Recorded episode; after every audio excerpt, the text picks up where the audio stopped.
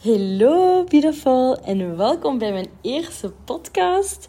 Oh my god, I'm so excited. Uh, don't expect this to be perfect. It's gonna be real and raw. Dat is wat ik je kan geven. Ik ga je dit niet bewerken. Ik ga dit niet opnieuw maken. Ik ga me verspreken. Life isn't perfect en zo ben ik ook niet. Ik hou van de echtheid in andere mensen en ja, daarom ga ik ook zo dicht mogelijk bij mezelf proberen te blijven om u mee te nemen in alles wat ik doe en alles wat ik hier ga vertellen. Zodat jij uh, geïnspireerd kunt geraken, gemotiveerd kunt geraken en vooral eigenlijk om je dromen en je doelen terug centraal te gaan laten staan in je leven en daar bepaalde routines bij te creëren. Welkom Beautiful. Echt waar. I'm so excited voor mijn allereerste podcast. Ik heb hier echt kei, kei lang over nagedacht. Het idee zat eigenlijk al heel lang in mijn hoofd, maar uiteindelijk, we are here and this is the first one. So crazy. Voor als je me nog niet kent, ik ben Celine, ik ben 29 jaar en ik woon op het moment van de opname in Haaltert. Ik ben altijd super enthousiast over uh, lekker eten over gezond eten vooral dan. Goed weer. Ik ben altijd blij als het zonnetje schijnt. En op reis gaan, obviously, de klassiekers, eh, de klassieker der klassiekers is toch wel echt voor mij, ja, op reis gaan, op ontdekking gaan, andere culturen, andere gewoontes, andere omgevingen. Het inspireert mij altijd zo hard. En ik heb twee favoriete plekken op deze wereld. En de eerste is sowieso, without a doubt, Thailand. Ik heb er zelf een half jaar gewoond. En Spanje. Ook Spanje is een van mijn favorite countries in the world. Ik heb nog zoveel plekken die ik wil ontdekken. Dus er komen er zeker nog bij op mijn lijstje. Maar voor nu zijn die twee mijn uh, toppertjes. Ik ga je vandaag vertellen hoe dat mijn leven er al heeft uitgezien en hoe dat het komt dat ik sta waar ik nu sta. En we beginnen niet bij het begin. het lijkt me nogal een hele lange podcast als ik begin bij mijn geboorte. Maar ik ga je meenemen naar de, naar de plek of, of het stukje in mijn leven van waar ik echt ervan overtuigd ben: wauw, dit was voor mij echt een game changer. En daarin wil ik u wel graag ja, meenemen. Eigenlijk voel ik me al heel mijn leven een beetje een buitenbeentje. Ik voel dat nu nog steeds, als ik heel eerlijk moet zijn, maar ik heb daar wel echt vrede mee genomen. En waarom zeg je dat nu? Omdat als ik vertel over mijn wilde plannen en over wat ik allemaal nog wil doen, ja, dan kijken mijn familie en mijn vrienden mij vaak nogal aan, like, are you for real? Um, ik weet niet. Ze kijken soms zo naar mij alsof ik op een andere planeet woon of zo. Hè? Ik denk dat dat is omdat ik op een, op, een, op een bepaalde manier eigenlijk naar mijn leven kijk. En dat botst vaak met de klassieke vorm van succes of de maatschappelijk aanvaarde vorm van succes. Ik weet uh, nu wat ik wil, maar dat is eigenlijk lang niet zo geweest. En ik weet dat ik voor altijd ga evolueren. Hè? We are humans, forever evolving.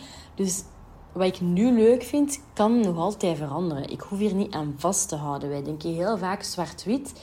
Als in, ja, um, als het zo is, is het zo. Of het is zo. There is no in-between in de meeste mensen hun hoofd.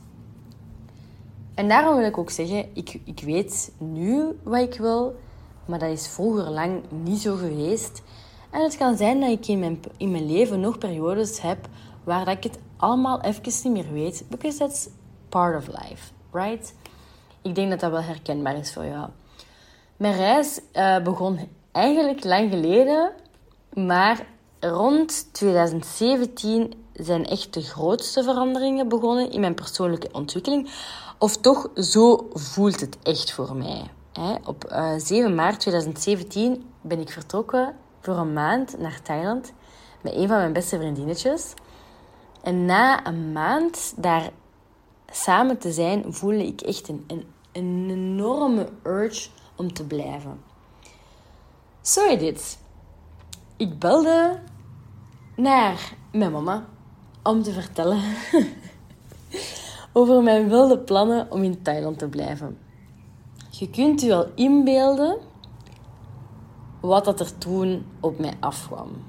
Dat was letterlijk een lawine, een stroom, een storm van kritiek. Uh, en je bent zot geworden zeker. En wanneer ga je dan terugkomen? En wat moeten we zeggen tegen mijn papa? En ja, dat, dat bleef maar komen. Maar als je mij een beetje kent, ga ik altijd voelen... What feels good for me? En dan doe ik dat gewoon, hè. En nu denk je misschien, maar dat is wel egoïstisch. Ik vind, en ik ben daar super hard van overtuigd, iedereen is hier op planeet Aarde om zijn of haar leven zelf te leven. En niet dat van uw mama of uw papa. En al zeker niet dat van uw oma en uw opa. Als uw mama en uw papa, of uw oma en uw opa, of gelijk wie in uw omgeving beslist heeft op een bepaald punt in zijn of haar leven van te leven naar de normen van iemand anders. Um, stel je voor, uw ouders zijn, zijn dokters en die verwachten van u dat je ook dokter wordt, of uw ouders zijn architect, of maakt niet uit. Uw ouders hebben een winkel, zijn altijd ondernemer geweest en ze willen dat jij die winkel overneemt. Dat is de droom van uw ouders. That might not be your dream. En als dat wel uw droom is, dan is dat super. Maar als dat een opgelegde droom is, dan moet je daarover nadenken. Dan moet je even bij jezelf gaan voelen: wil ik dit echt? Of uh, ja, is dit iets wat mij is ingeprint mijn hele leven? Want als ik naar de imprint van mijn grootouders zou moeten luisteren, dan moet ik nog heel veel jaren heel hard werken in een job die ik eigenlijk niet leuk vind, maar die me wel enorm veel werkzekerheid biedt in hun ogen. Want werkzekerheid, nobody's sure of his job in loondienst. Want als het morgen gedaan is met je job, dan is het gedaan. En dan heb je nog een andere job te zoeken of ondernemer te worden. Dat maakt nu niet uit. En dan heb je eigenlijk geen zekerheid. Eigenlijk is dat een valse vorm van zekerheid. Maar goed. Beeld u in. mijn oma en mijn opa mijn mama en papa zeg ik eigenlijk altijd. Die, die zien me super graag en die willen eigenlijk, kosten wat het kost, dat ik veilig ben, dat ik op zeker speel. En die maken zich echt zorgen als ik mijn droomleven aan het leven ben. Dus ik ben al echt vaak naar Thailand geweest. En elke keer als ik naar Thailand ging, kwam ik ook terug. En dan zei ik pas nadat ik terug was van Thailand op vakantie te gaan ah, mijn papa, ik ben terug geweest. En die wisten al van, ah ja, ze heeft een kleurtje, het is midden in de winter, ze zal wel weg geweest zijn. En dan zeg ik altijd, ja, ik, maar ik ga dat niet zeggen, omdat ik jullie niet ongerust wil maken. Ah, want als ik het op voorhand zeg, wat, en dan ga je naar Thailand, en dat is gevaarlijk, en waarom moet je altijd zo ver weg? En, snap je? Dus elke keer is opnieuw hetzelfde liedje. I love them. Like, ik, echt, like, zo, zo, zo graag zie ik mijn, mijn, mijn. Niet normaal. Maar dit is een beetje het principe van, van um, misschien niet de juiste vergelijking, maar het voelt wel juist. Is you can't pour from an empty cup. It's my cup. It's my cup of life. Het is mijn beker. Het is niet de beker van mijn oma en mijn opa. Het is ook niet de beker van uw mama of uw papa. Of iemand anders in uw omgeving die zegt, ja, maar nee, je moet dat zo doen of zo doen. Je moet niks. En als je iets moet, dan laat het alsjeblieft de dingen zijn die je graag wilt in je leven. Dus zo begon mijn reis. Hè. Ik ben altijd wel een beetje rebels geweest, eigenlijk mijn hele leven. Dus mijn besluit stond toen al lang vast. En ik ben gebleven. Which was absolutely crazy, hè? Want uh, ik had me daar totaal niet op voorzien. Ik was toegekomen, ik ging een maand op vakantie en ik ging gewoon terug naar huis. Als je je afvraagt hoe komt dat dan en met je werk dan en hoezo heb je dat voor elkaar gekregen? Voor um, dat ik naar Thailand ben vertrokken, heb ik, was ik uh, te werk bij, was ik, was ik aan het werken bij uh, in een, ik weet niet of ik dat mag noemen, dus ik ga gewoon dat zo houden. Ben ik beginnen werken bij een vliegtuigmaatschappij. En elke winter is er dan zo'n winterstop. En dan ja, kun je of op de uitkering gaan staan of een andere job gaan, uh, gaan uitproberen. En ik had zoiets van, ja oké, ik had me ingeschreven voor het autosalon te doen. En ik wilde wel graag uh, ook nog op reis gaan. En ik ging wel nog een beetje helpen bij mijn mama op het werk. En ik vertrok. Um, ik had eigenlijk nog andere plannen hoor, maar dat is allemaal zo, komt allemaal zo in, in mijn hoofd nu op dit moment. In 2017 was het voor of na uh, Thailand? Het was na Thailand, ja. Dus ik, ik ben in Thailand gebleven. Ik ga nog even op deze tijdlijn blijven. Hè. Weet je, als ik, als, zoals nu, hè, het leven nu. Ik was vroeger altijd ook druk, druk, druk, druk, druk. En ineens komt er zoveel tijd vrij in Thailand. En rondom mij was er ook echt een hele bewuste community. Allemaal mooie, liefdevolle zieltjes die bleven plakken zijn, die blijven plakken zijn in, in Thailand, in Koh Phangan. Uh, dat waren yoga mensen, spirituele mensen, boekenlezers, maar ook gewoon mensen die daar op vakantie waren. Maar allemaal mensen die kozen om samen te blijven op het eiland van Koh Phangan. Echt, echt bijzonder, echt waar. En dat was ook het moment dat ik mijn allereerste boek heb gelezen. Vroeger uh, kon je me echt geen boeken laten lezen. Ik vond dat echt verschrikkelijk. Hoe ik het vroeger zou zeggen, was ik haatte boeken lezen. En als ik het niet verplicht werd, dan ging ik het al zeker niet lezen. En zelfs als het op school verplicht was, dan las ik het nog niet. Dat is weer het pad van de rebel. Hè? Maar ja, het allereerste boek dat me niet verplicht was, was The Alchemist van Paulo Coelho. Ik weet niet of ik dat juist uitspreek, maar The, The Alchemist. En wauw, dat was echt crazy. Mijn leven toen was echt zo leuk. Ik vond dat echt zalig ik moest mijn eigen soms even pinchen for living at that time my absolute dream life. Het was gewoon leuk. Ik geniette van elk moment. En je moet je dat inbeelden. Ik woonde in een bungalowtje. En s ochtends stond ik op. Ik had een scootertje. Dan reed ik naar Boebas. En Boebas was de koffiebar van Kopanjan. Met uh, de allerlekkerste ontbijtjes. En ja, echt waar, ik zat er elke ochtend en ik ga dat nooit vergeten. Zo'n wonderful moment. Ik was onderweg naar Boebas en ik had zo'n mouwloos kleedje aan. En ik voelde echt zo de zon op mijn gezicht schijnen, de wind in mijn haren. En ik voelde en besefte op dat moment: oh my god, ik mag dit nooit vergeten. Ik wil dit moment voor altijd onthouden. Hoe fantastisch gelukkig en vrij ik mij voelde. You have no idea. I mean, I had no idea how wonderful life could be. En misschien, misschien denk je, ja, dat is vakantie, hè, girl. dat is logisch dat dat allemaal leuk is, hè. Dat is waar. dat was toen ik op vakantie, of aan het reizen eerder, want eigenlijk was dat niet echt een vakantie. Sorry. En ik reed met mijn scooterke van hier naar daar. En wauw, de meeste van mijn, van mijn buren waren ook Belgisch. Van, uh, uh, vooral van, van de Limburg dan.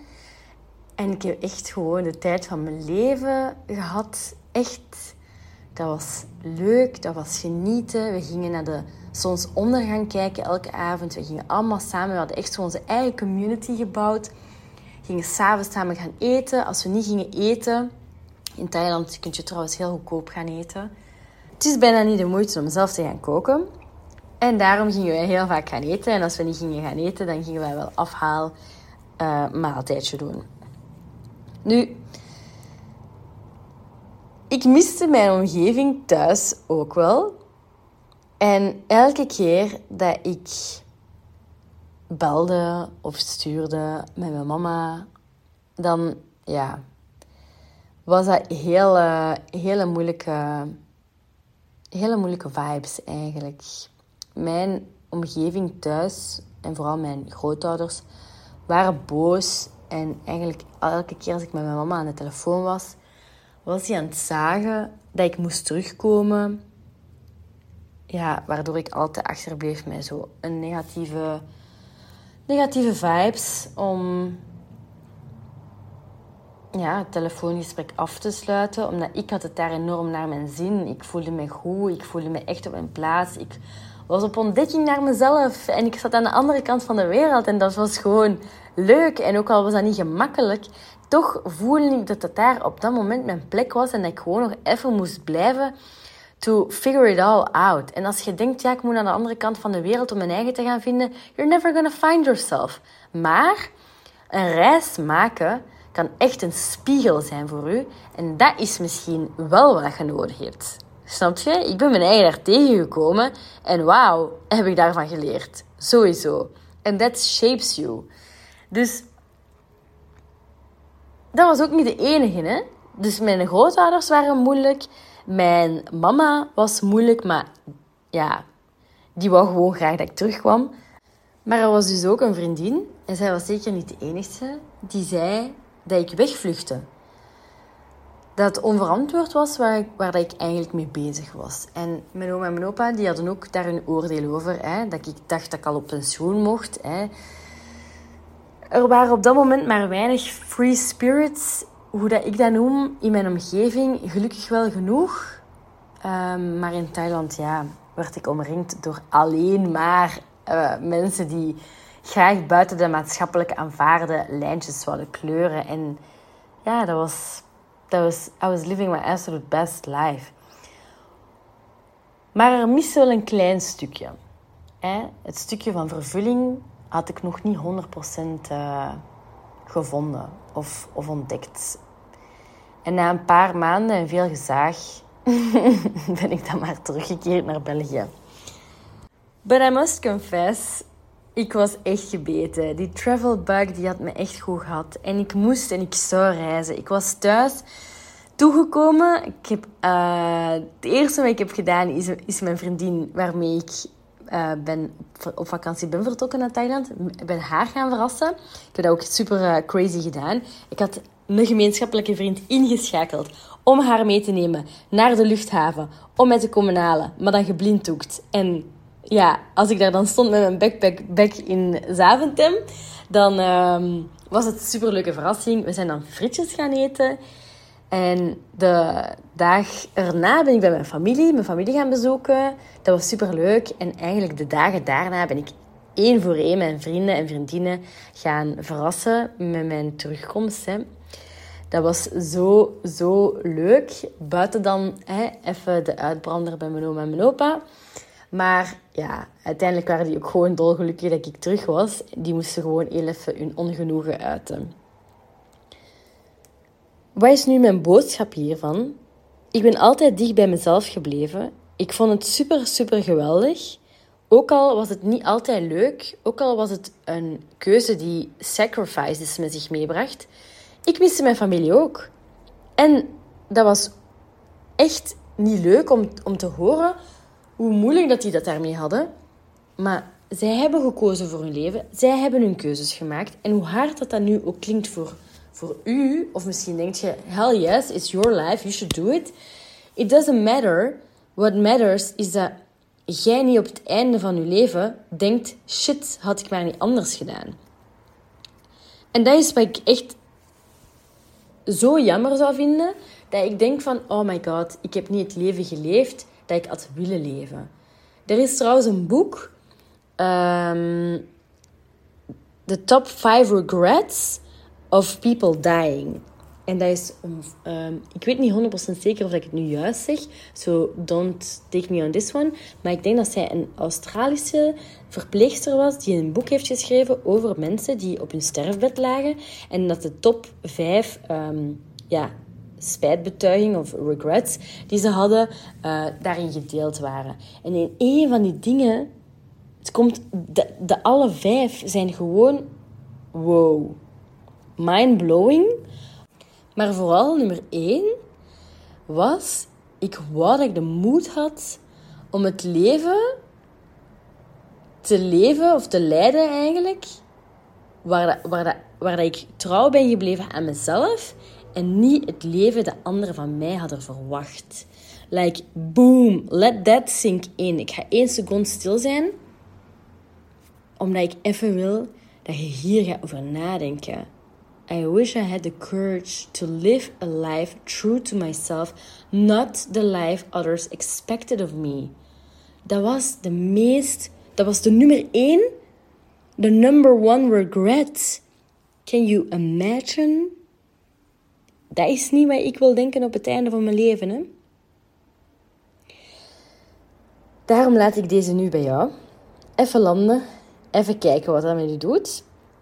If you wanna chat about it, dan feel free to find me in de DM's. Je kunt me altijd een berichtje sturen op Instagram. En dan ben ik... Uh, ja, dan kan ik met jou eens uh, daarover praten. Als je daar nood aan hebt. Want ik snap dat een omgeving heel moeilijk is om...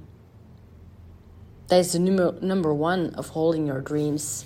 En die doen dat niet omdat zij je niet graag zien, hè.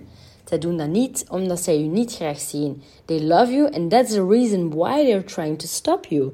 Hoe, hoe, wat voor een paradox dat ook kan zijn, dat is het gewoon. Zij willen u beschermen.